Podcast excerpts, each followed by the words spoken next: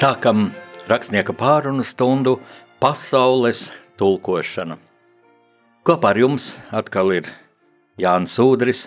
Mīļie klausītāji, man ir liels, liels patiesa prieks apsveikt jūs šodien, 18. novembrī, mūsu mīļās Latvijas valsts 103. dzimšanas dienā. Un man jums ir dāvana. Šī dāvana ir mūsu visu gaidītais Dainis Īvāns. Dainis šodien ir um, pasaules tulkošanas studijā. Dainis veids arī tevi mūsu valsts svētkos. Paldies un sveiciens svētkos. Tas ir vispirms, ka mums jāienes sevi šī svētku sajūta un šis prieks, ka mēs atkal esam sagaidījuši brīvi, neatkarīgi kārtējo Latvijas valsts dzimšanas dienu.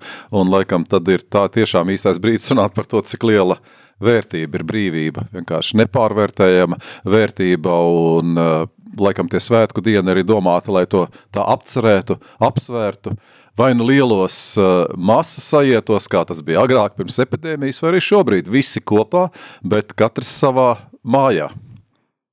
Jā, tā ir ļoti laba, man ļoti tuva doma izvērtēt to labo, jo nu, tu piekritīs klausītāji arī, es domāju, mums piekritīs, ka nu čīkstēts, ņaudēts pēdējo, pēdējos mēnešus, pēdējās nedēļas, pēdējās dienas ir ļoti daudz – Tik viss ir ļoti slikti, nu, un patiešām situācija ir teiksim, tā, ļoti nopietna. Bet to mēs runāsim pēc svētkiem, jo nu, ir laiks arī apdomāt, ko darīt un atskatīties, kas ir sasniegts. Es domāju, tas sasniegtais ir pietiekami liels, lai dotu mums spēku lai saprastu, ka šodienas grūtības, gan šī lēnā tomēr vakcinācija, gan saspringtā situācija uz robežas ar Baltkrieviju, mm, ka tas, tas nav tās vislielākās briesmas, kādas ir bijušas Latvijas vēsturē.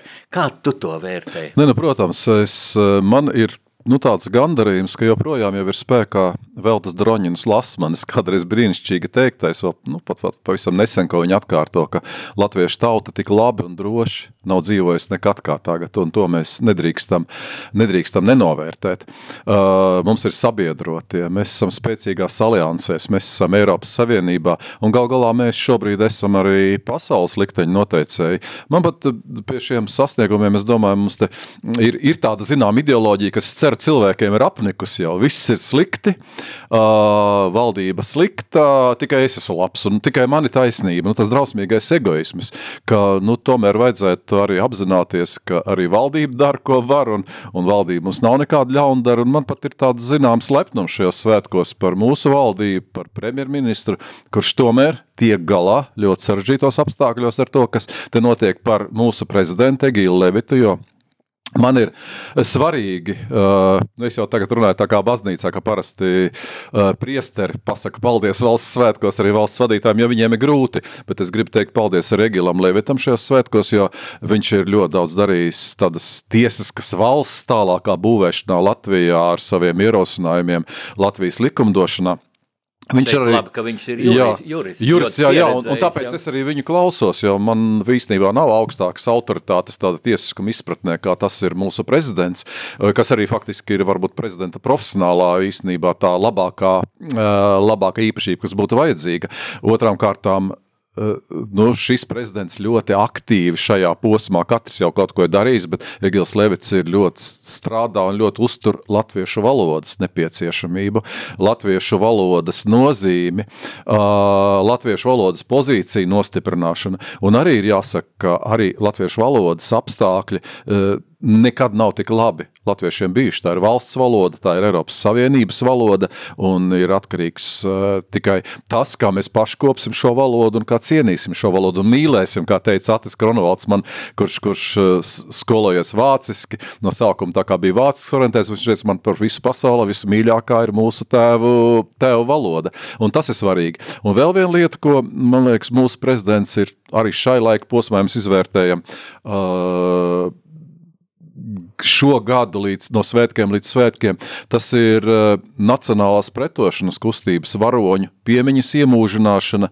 piemiņas dienu noteikšana un ak uh, akcenta likšana uz to, ka par spīti visādiem bēdu laikiem un nelaikiem Mums vienmēr bijuši varoņi, arī tāds kā Leitnants Rubens, par ko to Jānis rakstījis savā romānā. Vienmēr viņi ir bijuši, un to vajag atcerēties, ka varbūt, ka daļa cilvēku būs apātijā sabiedrība, varbūt, ka viņiem tā kā Kārlis Skalba pēc Latvijas okupācijas teica, nav cits izais, jānoliecas zemāk par zāli, un tad, kad pāriet salna, tad jāliecas atpakaļ. Bet tai pašā laikā lielākā daļa noliecoties ir bijuši tādi, kas gājuši taisnu galdu, vienmēr rādījuši, ka šī atliekšanās un iztaisnošanās ir, ir iespējama.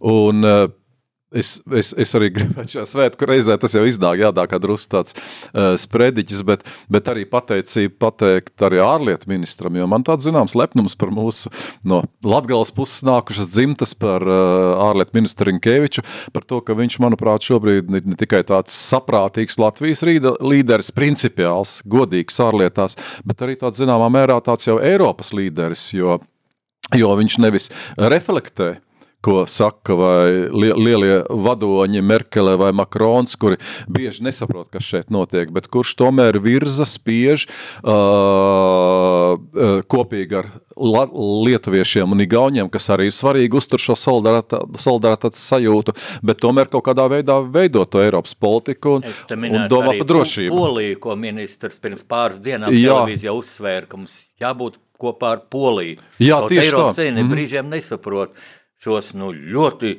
konsekventos pasākumus, ko poļi īsteno, bet citādi jau nevar. Nē, nu nevar citādi, jo, ir jā. bīstam provokācija, jo tur ir jauni vīrieši, ja nelaimīgie bēgļi, par kuriem visu mm. laiku krokodiļu asars, un dažas sievietes butaforijai. Nu jā, nu tur jau ir skaidri redzams, ko varbūt nesaprot tās zemes, kuras ir tālu, ka, ka tur ir sagatavot cilvēki, ka būtībā tas, nu, mēs jau redzam pēdējās dienas, pulē, tas ir organizēts uzbrukums. Viņi vēl nelieto šaujamos ieročus un krievu raķetes, kas viņiem arī stāv turpat, ja? bet viņi ar mietiem, ar visu būtībā tie ir ieroči, tas uzbrukums valstī, un poļi rīkojas ļoti pareizi, un te jau ir eh, nu, tiem noderīgiem idiotiem, un, un, un, un, un kas, kas, kas, kas, kas tur žēlās balsīs runā, ka mēs nedrīkstam, mēs nedrīkstam, bet uh, Lukašenko drīkst, Putins drīkst, nu brauciet turienu, ne, viņiem pasakiet. Drīkstam, mēs to jā, darīsim un sargāsim ka, savu robežu. Jā, ka tur jau ir tā analoģija arī ar to, nu, ja, ja tev pienāk viens uh, klejojošu migrantu pūlis pie tavas personīgās mājas, desmit cilvēki, un pieprasa, uh, lai tu laid viņu iekšā, tad viņi sāk lauzt durvis, lai tu viņus pabaro, lai tu viņus izguldini izcili, vai tad tu to darīsi, ja tu tomēr meklēsi kaut kāda aizsardzība, tu pretosies. Un šajā ziņā tā, tā, tā solidaritāte ar šīm, nu, mūs, ar mums, ar, ar, ar, ar Baltijas valstīm un Poliju, tā ir nu, ļoti svarīga. Un, to, tā, tas labi, ka mūsu valdība to saprot. Jā, Daini, tu pirms brīža minēji manu romānu Leitnants Rubens, bruņinieks Roberts, un te man nāk prātā, ka es Lačplēšu dienā šogad pirms nedēļas, ja, mm, iztaigāju gan meža, gan brāļu kapus, apciemojot savu romānu varoņus. Un es brāļu kapos aizgāju arī pie Pētera Lapaiņa kapa. Un šis, šim cilvēkam, kas bija 1940. gadā Daugaupils cietokšņa komendants, jā, jā. kapteinis Lapainis, Viņam ir veltīta viena gara epizode manā romānā. un, un tad es biju mazliet tā šokēts, ka vienreiz dzirdēju, tu tādā ģimenes sarunā, savas ģimenes sarunā, Pēteri Lapai nosauc par Peksi. jā, pekša onkuls. jā, jā. pekša onkuls. Tas ļoti mīļi. Redz, no tā var saprast, ka jūs viņu mīlējāt. Kas, kas bija Pēters Lapains, šis mūsu nācijas varonis? Bet Es gribu teikt, kuram bija četru dažādu, dažādu um, valstu augstākā apbalvojuma. Jā, sākot ar Jūra Krustu cara armijā, Jā, tad sarkanā karoga ordenis viens no pirmajiem Krievijas pilsoņu karā. Lāčplēš par baļševiku izdzīšanu no Latvijas un pēc tam, protams, dzelzs krusts eh, leģionā. Viņš jau 45. gadā 9. maijā, kad viņš bija Kurzemes katlā, viņš vadīja izlūgu bataljonu, Fiziliora bataljonu. Viņš teica, kā 16. gadā maijā, viņam dzimšanas diena bija maijā, es sāku karot, 45. gada 9. maijā es izgāju no kara. Visu laiku karotājs un profesionāls karotājs, virsnieks. Um, Man ir bijis arī gadījies dzirdēt, ka profesors Jēkabsons, mūsu izcilākais neatkarības kara laika vēsturnieks, ka viņš ievada lekcijā studentiem, sākot kursu, vispirms izstāstīja Pētera Lapāņa biogrāfiju, jo tā vienkārši ir fantastiska. Ja, tā ka, ir mūsu vēsture, jā. Iesaukt cara armijā, nu viņš pats gan aizgāja kā savvaļnieks, jo viņš teica, es gāju kā savvaļnieks, tas kā brīvprātīgais, jo, jo tiem bija drusku privilēģija ar iesauktajiem. Viņus nevarēja spārdīt ar kājām, Krievu virsnieku kāds bija pierasts un lamāt, jo, jo viņi bija kaut kā līdzvērtīgi nolikti arī tam virsniekam.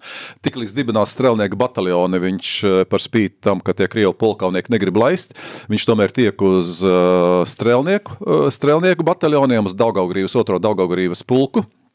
Un, un, un ļoti īsi varu pastāstīt šo biogrāfiju, jo tā ir, nu, man liekas, katram latvietim jāzina ne tāpēc, ka tas ir mans veconkulis. Nu, būtībā vectēva vietā, jo man vectēvs bija miris, kad es uh, jau piedzimu, un, un viņš, viņš man aizstāja šo vectēvu, ar kur es lepojos. Un tad viņš uh, dabūja šos jūra krusts par kaujām Ložmetē kalnā un Nāvis salā, arī tur viņš ir sēdējis. Un tad, protams, ar strelniekiem, kad Latvija ir okupēta un vācieši ņem gūstā un šauj nost latviešus, un nav nevienas Latvijas politiskās partijas, kas arī ļoti ļoti svarīgi uh, apzināties, kur spētu uzņemties atbildību par šo milzīgo latviešu tautas spēku, kas ir mobilizēts strelniekos. Tā toreiz ir kaujas spējīgākā daļa pasaulē. Visas latviešu strelnieku divīzijas. Bet, jā, piestu, un viņi ir pamesti likteņa varā. Viņas nevienas latviešu politiskās partijas nav. Tur kaut kur latviešu līderi tautas toreiz ķildojas, un neviens nezina, ko darīt. Un šie strēlnieki no cits izējas. Viņš saka, nu, kur lai mēs ejam? Viņi ir visu pulku, bet arī nu, saprastami, ka viņam jāturas kopā. Tas arī ir svarīgi, lai viņus neiznīcinātu. Viņi dodas Krieviju uz pilsoņu karu. Pekša onkulis kļūst par no sākuma. Viņi tur mēģina vaņģot Peters uz rekvizīcijām un ļoti nes nesmukiem darbiem. Viņš saka, nu, tad es sapratu, ka jātienas pēc iespējas tālāk no tā. Un viņš iekārt iekārtojas par sārdzes priekšnieku 9. Kremļa pulkā. Tas ir elites izlases vienība latviešu, kur apsargāja Kremli un Ļeņinu. Viņš ir Ļeņina sārdzes priekšnieks, viņš arī stāsta par to, kā Ļeņins viņu bieži turējis aiz pogas un teicis strēlnieki. Uh, palīdziet mums uzvarēt kontru, un tad mēs dosim jums brīvu Latviju, kādu tik vien jūs vēlēsieties. Nu, jā. Un, jā, jā, jā, un tad viņš ar, arī no šī Kremļa pulka aiziet, viņš grib ar savu pulku iet, un, un, un pie Orlas viņš dabūja kaujas sarkanā karoga ordeni, viena no pirmajiem, kas tajā laikā padomju savienībā iedibināts. Un, un, un, un, un tad, protams, ir šī pavēle latviešu strēlnieku daļām kopā ar sarkanu armiju uzbrukt buržāziskai Latvijai jaundibinātai, ja, un nest tālāk pasaules revolūciju. Viņš dodas ar savu pulku uz um, Daugopili, Un Daugavpilī viņš stāsta, tur tāda, tas manā filmā arī astoņas zvaigznes raskaut saulīt nedaudz parādīts. Viņam viens ebreju puisis, kas tur ir mobilizēts, ja viņš saka, viens, divi ir mobilizēti. Viens tāds drosmīgāks, otrs tāds bailīgāks. Drosmīgākais viņam iegrūž rokās avīzi līdums toreizējā Zemnieku savienības avīzes. Un tur ir Latvijas pagaidu valdības aicinājums stāties neatkarīgi armijā. Un viņš tur uzzina arī to, ka viņa brālis jau ir neatkarīgais Latvijas armijā. Viņam nobriest plāns. Viņus aizsviež uz, uh, uz, uz, uz Igaunijas pierobežu pie Raunas uzbrukt Igauniem. Viņš saka, kādi vācieši mums stāstīja, ka mums jākaro vāciešiem, bet Igauniem. Un tad viņš dod, jā, un, un, un tad notiek pats interesantākais ar viņu liktenī, ka visa viņa rota, iedomājieties, elites Kremļa pulka rota, apmēram simt cilvēku pusrotā skaitījās piepeši Igaunijas uzbrukuma sākoties, ieduši tik uz zemē, tā ir zīme, ka viņi padodas un apsēžas. Nu, Igauni, protams, viņus tur esot aptīrījuši, atņēmuši naudu un zābakus, bet pēc mēneša viņš jau ir ložmetēju rotas komandieris Latvijas neatkarības armijā. Un, 19. gadā uh, beigās par Latgales atbrīvošanu, uh, tur bija ļoti varonīgi, viņš izlūkrota vadīja, viņš dabūja Lāčplēšu ordeni. Nu, un tad, protams, viņš Latvijas armijā dien uh, ir šis Daugavpils cietokšs komandieris, kur arī interesants stāsts, jo viņš ir apķērīgs vīrs, daudz valodas zina, un viņu čekas pulkvedis paņem par tas ir sāsts arī par Latvijas dzimšanas dienas, jo tā, tā, tas ir mūsu liktenis. Uh, apķērīgs uh, Krievu čekistu pulkvedis viņu paņem pa tulku sev. Un kad uh, Pekša onkulis saņem pavēsti, ka viņam jādodas uz liteni, tad tas pulkvedis saka, es jums neieteiktu. Viņš saka, neieteiktu. Viņš saka, un ko man darīt? Doties uz mājām? Viņš saka, jā. Un tas pulkvedis izgādā viņam uh, padomju armijas majora pakāpi, atvaļina viņu no padomju armijas, un Peksis kājām pacēra uz pļaviņām, uz mūsu dzimtajām mājām. Viņš tur kādu laiku arī dzīvoja kara laikā. Tur bija tomēr jā, godīgi cilvēki. Bija, jā. Lai cik dīvaini. Jā, un nu, viņš izglābis no šīs uh, virsnieku slaktiņa, apslaktēšanas litenē, uh, līdz 42. 43. gadam viņš pļaviņās ir skolas saimniecības daļas vadītājs organizē dziesmu svētku soliņu kalnā, un tad viņš saņem, protams, pavēsti no, no, no, no vāciešiem, pirmās divas viņš uzsprauž nagliņas, un pie trešās viņš spiests aiziet. Nu, un tad ir, protams, viņš, viņš kaujas Volhovā un kaujas Kurzemes katlā, dzels krusts, un e, tad es nonākšu pie tā, tas stāsts gan bija pagarš, pie, mm, pie, pie, pie tā stāsta, nu, protams, viņš Norļiski aizbrauc, viņš teica, ka visi virsnieki ir apslaktēti, bet viņš izdzīvo, viņš ap 55. gadu atgriežas, un tad viņš kļūst mans mīļais veconkuls, mēs ar viņu arī sarakstāmies, un interesantākais, ka jau, nu, tuvojoties atmodē, vēl atmoda nav. Mēs onkulim sakam, nu viņam jau pāri 80, viņš mīra 94 gadu vecumā, zāģēdams malku, starp citu, ka īsts karavīrs latviešu. Nu, viņš visu laiku, viņš visu laiku, jā, es arī biju. Nu, no, bet, bet, tas, bet tas, tā, jā, jā, tas stāsts ir interesantākais, ka 94, 94 gadi viņam bija. Jā, bet tas bija 90. 90. gadā. gadā uh, aprīlī eh, ievēlēti jau augstākā padoma, bet vēl nav neatkarības deklarācija pieņemta tajā brīdī. Viņš, Jā. viņš nesagaidīja pāris Viņš to nesagaidīja. Bet viņš mums visu laiku tā saka, viņš saka, šitā vara ilgi nenoturēsies un tik smējas par visu. Ja? Viņam vienmēr joka bija. Un mēs sakam, bet onkuli, nu, vispār kuros kapos, mums tur tāds juceklis dzimtas kapiem bija, jo tās dzimtas mājas vairs nebija, kur viņš dzimis pie antūžiem. Mēs sakam, kuros kapos, viņš saka, kā? Es esmu Latvijas plēšu ordeņa kavalieris. Man pēc Latvijas valsts likuma pienākas gulēt brāļu kapos. Jā, guļ. un mēs visi smējamies galvenais toreiz. Nu kā, tur taču tikai Krievu pulkvežs apbeda sarkanos, ja? Un iedomājieties, viņš ir pirmais Latvijas plēsis. Jā, un es to kārtoju, un tur arī bija tajās bērēs, un Latviešu strelnieku apvienība tikai jaundabinātā kārtoja, ka viņš ir pirmais īstais latviešu Latvijas plēšs, kurš atgriežas brāļu kapos. Tas ir unikāls ekskurs vēsturē. Es jūtu, ka tagad mūsu klausītājiem ir visu to jāapdomā jo fakti bija daudz, bet viņi ir tik sulīti, kolorīti. Mīļie klausītāji, tagad lai skan mūsu viesa Daņa Ivāna izraudzīta dziesma.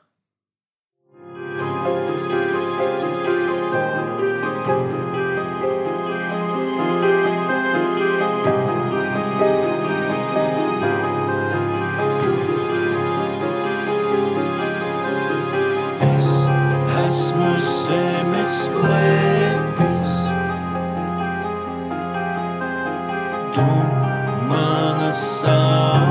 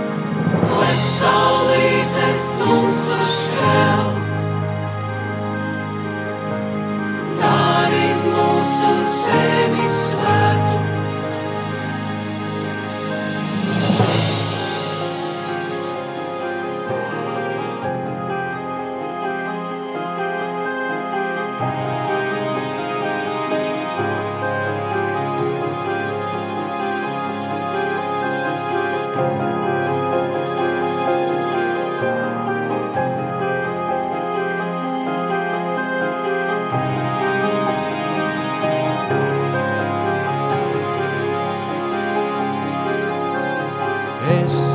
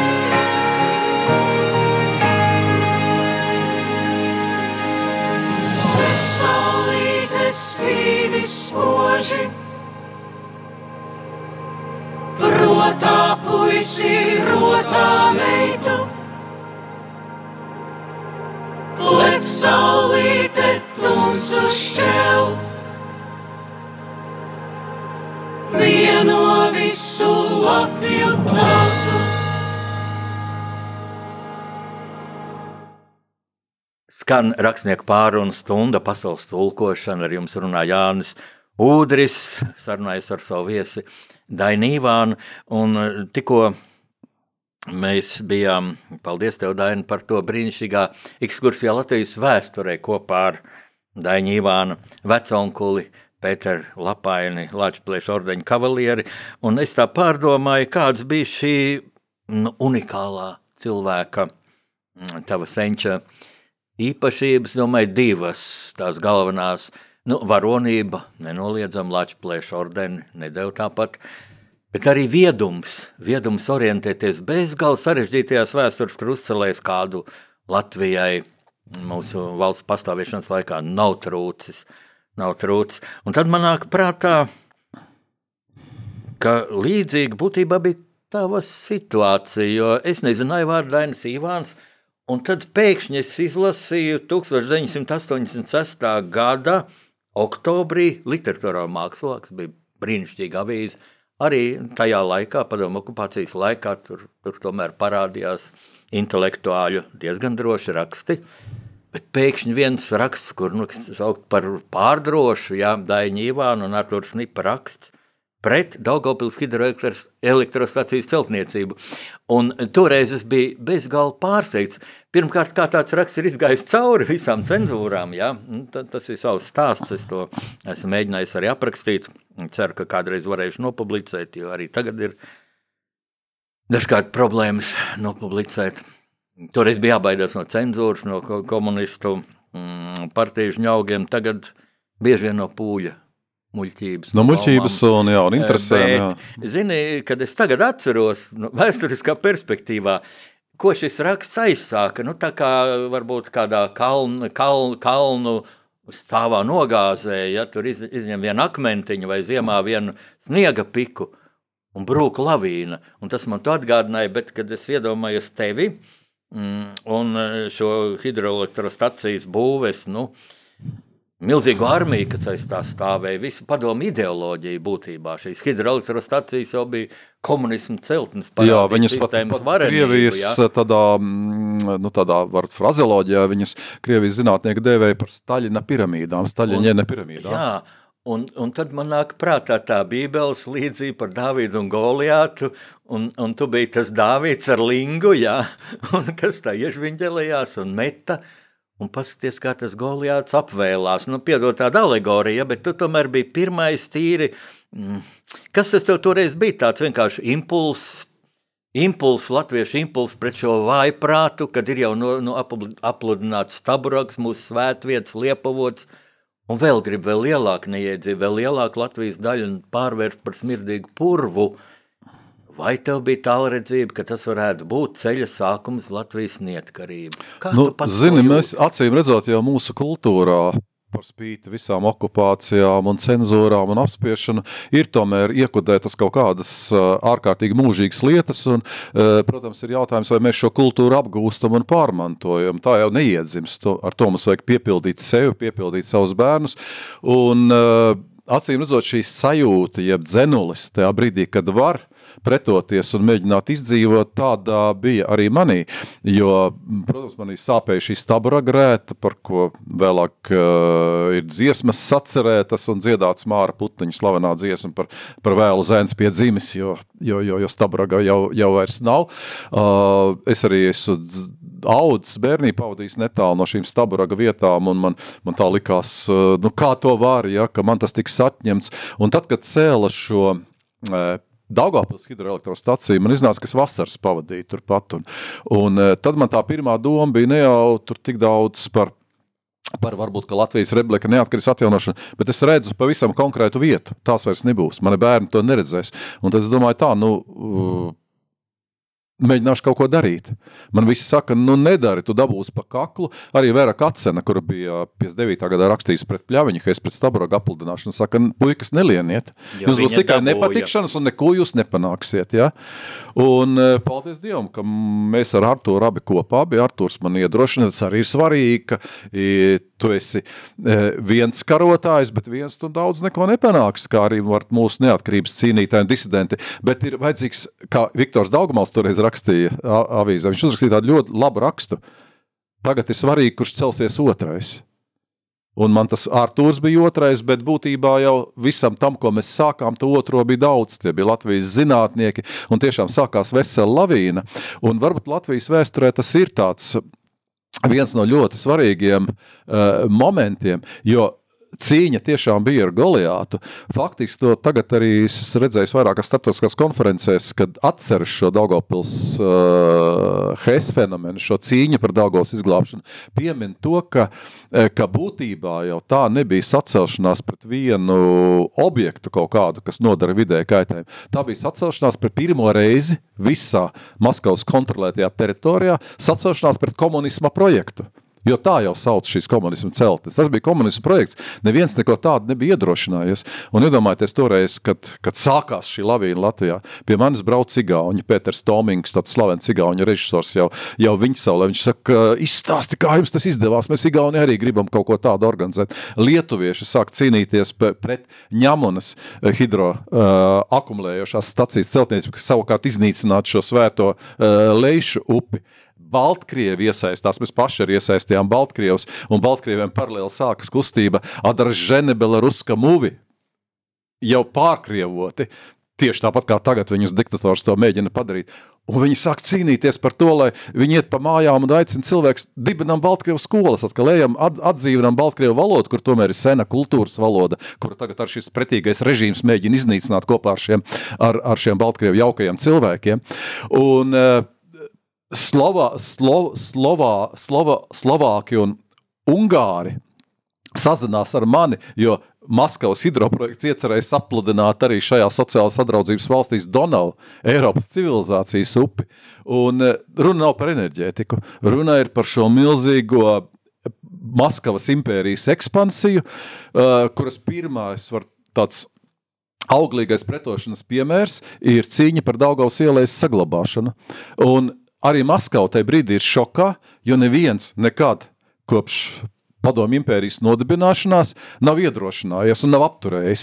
Jo gal galā 87. gadā Gorbačovs pats paraksta dekrētu par Daugavpils Hes celtniecības apturēšanu. Tā kā tās sekas ir tālajošākas, un tas vienmēr rāda to, ka nu, mums arī bezcerības apstākļos, kad liekas, ka viss ir tik slikti, kā, kā pēdējā laikā daudz tādu ļoti skaļu ideologu uzradies, ka vienmēr ir kaut kāds spēks, lai mēs ietu uz priekšu.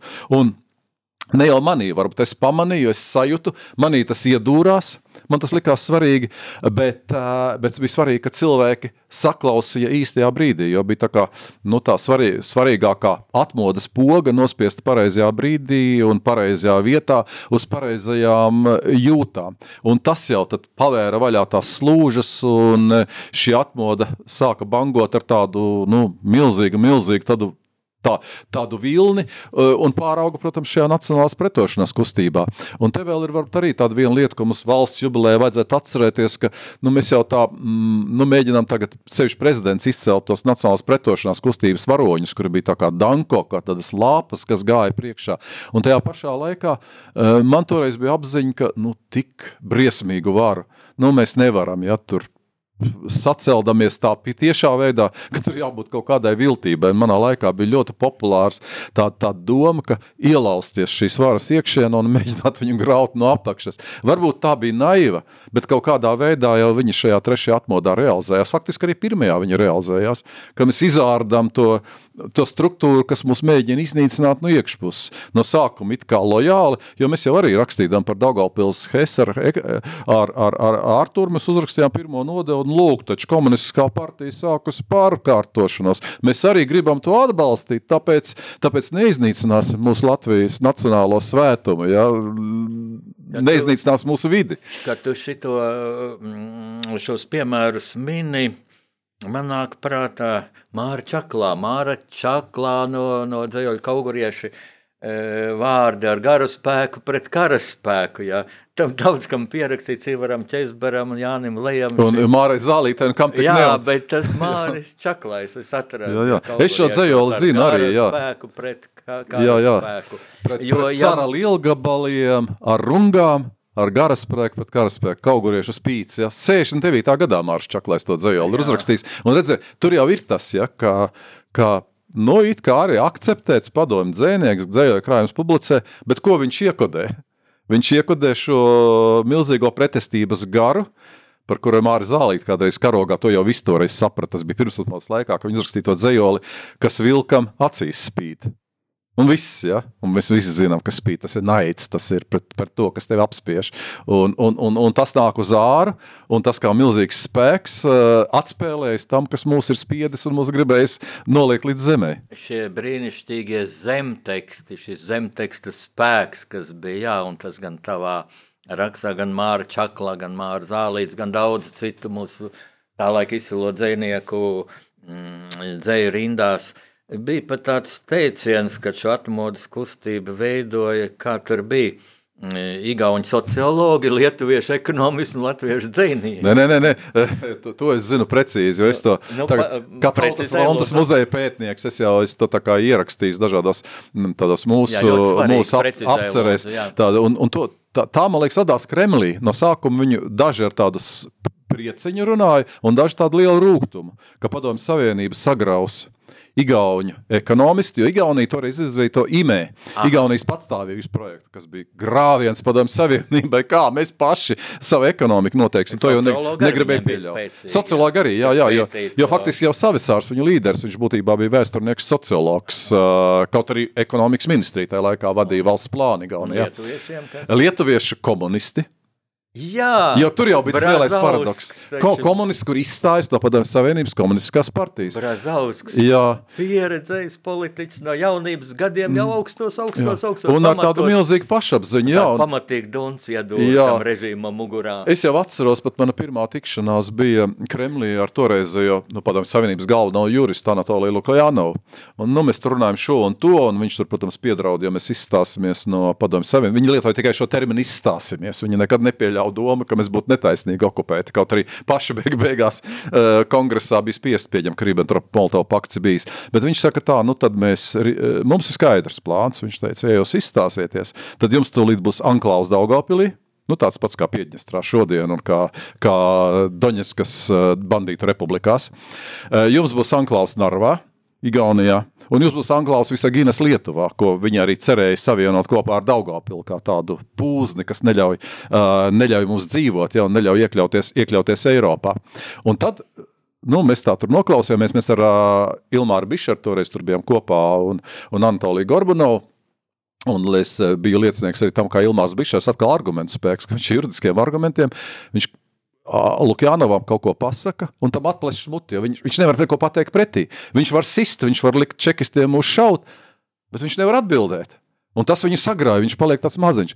Un tā viņš tā gan arī žēlīgā balsī, viņš tagad skatās uz mani, kad mēs ejam projām, mēs tur dzērām tēju, tie Kremļa kupola spīdīgie mirdzējas, atceros pa logu. 18. novembrī, starp citu, es nezinu, vai viņi apzināti mūs izsauca uz turieni tieši 18. novembrī, pirmajā, ko mēs svinējām 88. gadā. Un tad viņš tā žēlīgā balsī saka, un saprotiet, glā, sargājiet mūsu komunistisko partiju. Jo viņš teica, ja nebūs tās, vienotās, nebūs padomju savienības, un lietuvieši izstājas. Un tad trešie tie padomju savienības grāvēji šajā padomju anekdotē bija latviešu juristi.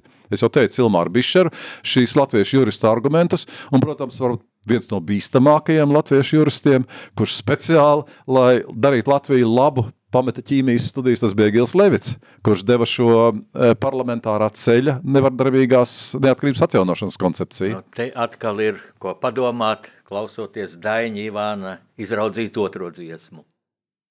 Dievs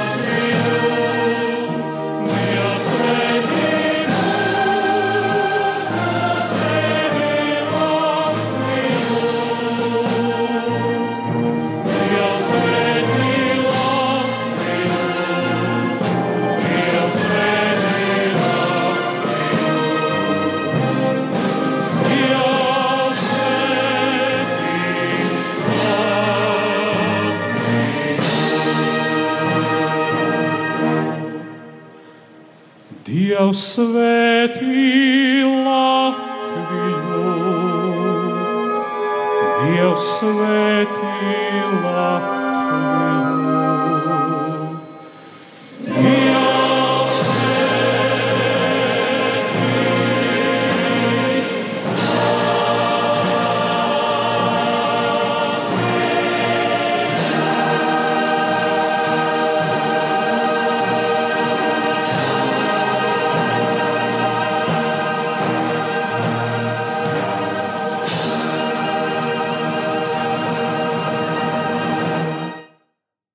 Radījumā arī Latvija viesi šajā mūsu valsts dzimšanas dienā Daini Ivānu.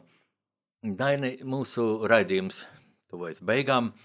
Mm, tagad, kad izies no mūsu skaistās studijas, nu, droši vien tu dosies mājā, jo, jo nekādi lielie pasākumi šodien eh, nu, nedrīkst notikt, mēs to saprotam. Un, un uzminēju? ievērojam, paklausam, Ievērojam, ko mums jā, saka. mēs jā. esam kārtīgi Latvijas pilsoņi. Ko tu darīsi?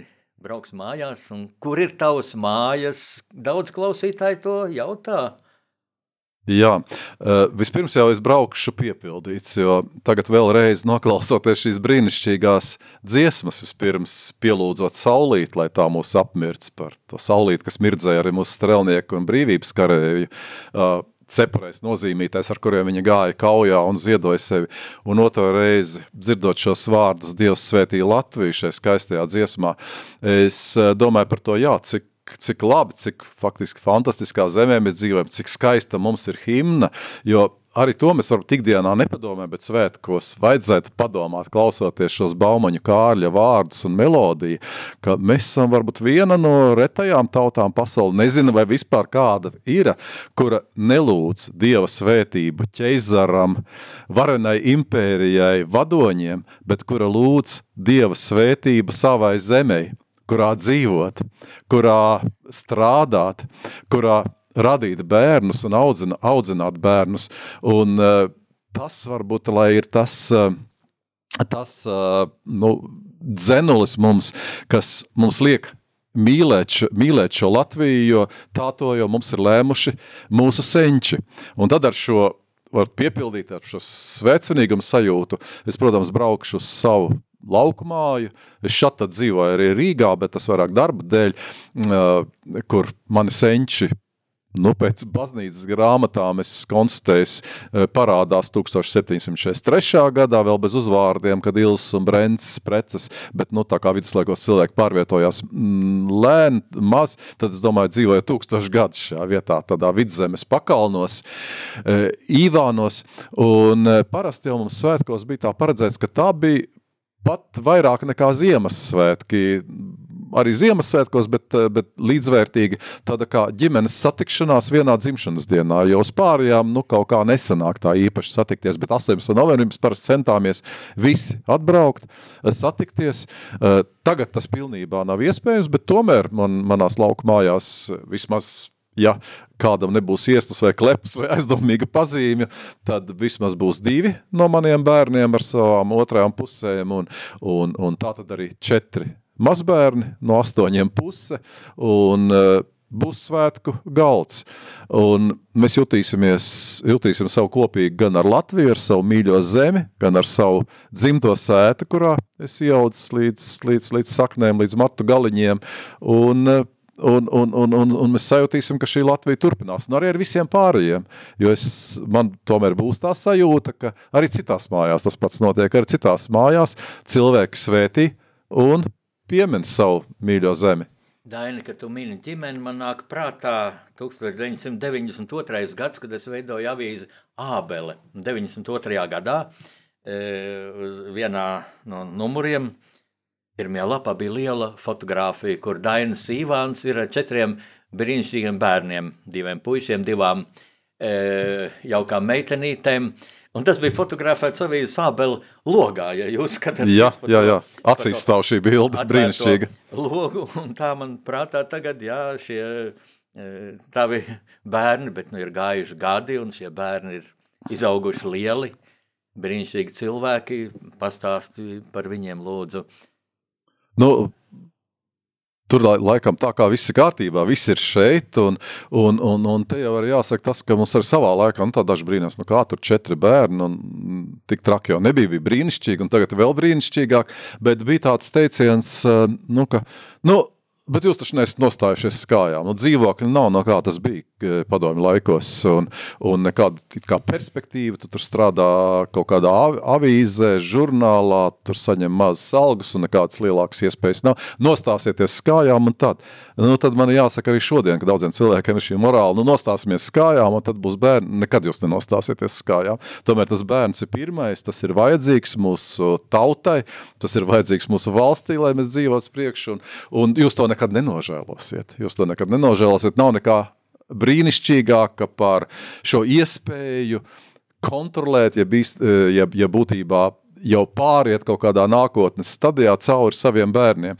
Un man, nu, laikam jau man ir veicies, bet es domāju, ka daudziem Latvijas vecākiem tā ir veicies, jo, jo manuprāt, bā, mani bērni ir ļoti labi izglītojušies, paši izglītojušies gan Latvijā, gan ārzemēs, atgriezušies, un uh, mana vecākā meita ir profesionāla mūziķe, un, un, un nu, viņa ir tāda stingra, ciešu raksturu, un, Karolīna. jā, jā, un viņa un talantīgi ļoti, un viņa ir nodibinājusi savu mūzikas studiju, mūzikas skolu, varētu teikt, violītes, uh, kur viņa atkal ir brīnišķīgi audzēkņi ar ļoti tādām neparastām uh, mūzikas mācības metodēm. Viņa, viņa strādā arī mūzikas saulē, kādā no pēdējiem numuriem, bija tāda intervija plaša ar viņu.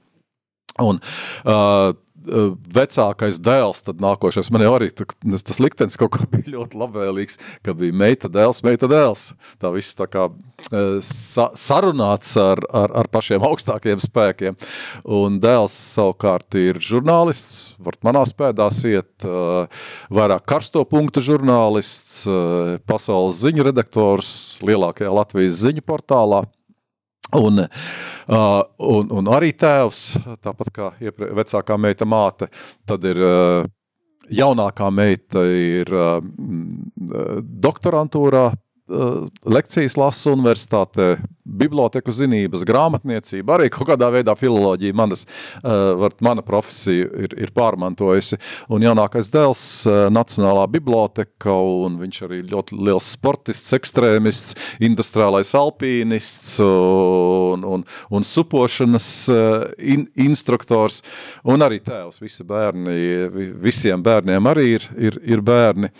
Un, un, un, un, un nu, mums arī vēl ir tāda viena tradīcija 4. maijā satikties, jo es, uh, protams, es, man 4. maijs ir līdzvērtīgs 18. novembrim, jo, jo tas varbūt ir kaut kādā veidā svarīgs tāpēc, ka mēs to savām rokām sagādājam. Tie ir vēl dzīvo paauģu svētki, un tur man atkal tāda pilnīgi debesu dāvana, ka uh, pirms 12 gadiem tieši 4. maijā man piedzima viens no mazdēliem, kurš nosaukts arī mana tēva vārdā par Evaldu. Un arī tad mēs cenšamies sanākt kopā, bet nu, 18. novembris gan sanāk kopā, gan arī domāt par saviem tuvajiem un tālajiem, domāt par savu tautu. Tas ir tas īstais brīdis un tas ir tas pareizais, ko vajag darīt. Man eh, tikko ienāca prātā atmiņā tāda simboliska epizode atmodas laika, ka vienā no Daugavmalas manifestācijām tu stāvēji, jo bija tautas frontes vadītājs, pirmais vadītājs, un, eh, un tev bija līdz Jurģis, Jā, tas un bija tu viņu turēji uz pleciem. Jā, viņš smuki sēdēja lepni uz pleciem tētim. Un es biju kopā ar ārzemju žurnālistiem. Jā. Un viņi prasa, ka, kas, kas tas ir? Jā, es saku, tas ir mūsu tautas fronts vadītājs. Viņš saka, bērni tur. Jā, viņš tur bērni. Un tad viņi visi pēkšņi, tas tiešām ir tas, tas, tas Ivāns. Jā, tas ir viņš. Un tad viņi visi skrēja fotografēt un parādījās tā, tādas fotogrāfijas, kad, kad tu turi uz pleciem Latvijas nākotni. Un būtībā tā arī bija. Jā. Zini, tā ir ko- Latvijas jā. nākotne, kas ir izaugusi, tagad skaista nākotne. Jā, jā, un tā ir tāda liela sakritība, ka es šīs fotogrāfijas, viņas ir diezgan, es ārzemēs redzējis, un viņas arī mūsu fotografi ir daudz fotografējuši, laikam ķēruši to mirkli, jo tur ir divi momenti. Ir tas eh, mans džemprīts, ko Latgales māmiņa Anastasija Runkovska man dāvināja ar strei- režisors Streiča starpniecību pirmajā kongresā. Jā, jā, kas ir muzejā, un, un kuru kā ziedonis prasīja Krievu ģenerāļiem atbildēdams, kāpēc latviešu vadonis staigā mm, uh, džemprītenies uzvalk kā ziedonis, teiks, nu kā, nu viņam tāpat kā jums ir sava ģenerāļa forma. Un ģenerāļi teikšu, jā, tad mēs visi saprotam. Mēs jā. pat pukojāmies, tu taču esi valsts vīrs. Vīrs, ka tu biji, ka tu biji augstākās padomas priekšsēdētāji pirmais Jā. vietnieks. Ka nevajadzētu, bet... Tev žaketi, tev šlipsi vajag, bet tu ļoti negribēji. Negribēji, jā, jā. Jo, nu, tas bija tik skaists un tik simbolisks, tas bija kā karoks, un tāpēc tas ir. Un tad otrs tas simbols bija tas puika uz maniem pleciem, un es... Šādi tādu lekcijas lasīdams vai prezentācijas par vēsturi, ko man bieži vien man aicina, man vajag, vajag stāstīt cilvēkiem, tad es bieži prezentāciju noslēdzu ar šo fotografiju. Un es saku, tur tas lielais simbols – nākotne mūsu plecos. Jo Redziet, šis jaunais cilvēks, kurš tagad ir galsties garāks par mani, un mēs nevarētu otrādi atkārtot, kā to bieži tagad sociālajos tīklos daudz cilvēku mēģina darīt vienā un tajā pašā vietā, vienā un tajā pašā pozā. Bet uh, tā ir nākotne, ko es tur plecos. Ja? Tas nav tikai mans dēls. Un es jau arī sēžu kādam plecos, tam pašam pekšoku onkulim, saviem uh, vecvecākiem, kuri izkaroja brīvo Latviju. Viņi savukārt uh, šie pirmā, pirmās atmodas varoņiem plecos, un tas ir svarīgi uh, neizjaukt šo piramīdu, saprast, ka mūsu pienākums ir turēties plecos, un turēt arī savos plecos kādu, kas uh, to Latvijas karogu nesīs uz priekšu. Jā, Daini, šovakar svētku vakarā mēs tiem, kas jau ir viņā saulē, bet uz kuru pleciem mēs pakāpāmies ceļā uz brīvību, iedegsim sveicīts mūsu logos. Bet vēl dažas minūtes atlikušas noteikti gribu par tavām brīnišķīgajām meitām kādu vārdu dzirdēt, un proti, mm, nu, viena no manām mīļākajām filmām ir filma Bille, ja, pēc Vīsmas Belševicas. Jā. un tajā spēlē tava mazmeitiņa, tavas meitas baibas, e, meita Rūtiņa. E, brīnišķīgi spēlē, vai, e, kā es teicu, Tautas fronts muzejā pirmo reizi šo meitnīti redzot, un cik viņa nopietna, uh, Un es teicu, tavs panākums ir tas, ka tu nevis spēlēji, bet dzīvoji šajā lomā. Nu, tik patiesa. Un tagad viņi filmējās atkal. Ja tagad viņi filmējas atkal pie režisors ja? Kolmanis, tās pašas. Tās pašas jā. un, un, un, Veiksmīga režisora noteikti. Un, un viņi spēja Mātes pienā, kas nu, arī, man liekas, būs spēcīga, laba filma, jo, man liekas, tas ir labākais Noras Ikstenas uh, romāns darbs. Un, un faktiski jau Nora bija tā, kas, uh, būdama scenārija autora, filmēja par mani ar nosaukumu Ivāns, ko Andrejs Verhostinskis filmēja. Viņa kaut kā ļoti sadraudzējās to Rūtu mūsu laukumā, jā. jo Rūta uh, gulēja blakus gultā norei, kad viņa palika, un viņa pieprasīja norei, lai viņa lasa priekšā grāmatas viņai, Aha. un filozofēja, viņa tāda ļoti, ļoti gudra, prātīga, viņš arī ārkārtīgi daudz lasa. Es atceros, pirmā klasē viņa saņemdama grāmatu sarakstu, viņa saka, Vai tad tik maz grāmatu? Tās taču vienā vakarā var izlasīt, ko iedot. Un, eh, joprojām ir palikusi šī tradīcija, bet arī citiem mazbērniem es skatos, pat sēž automašīnā, es braucu un lasu grāmatu.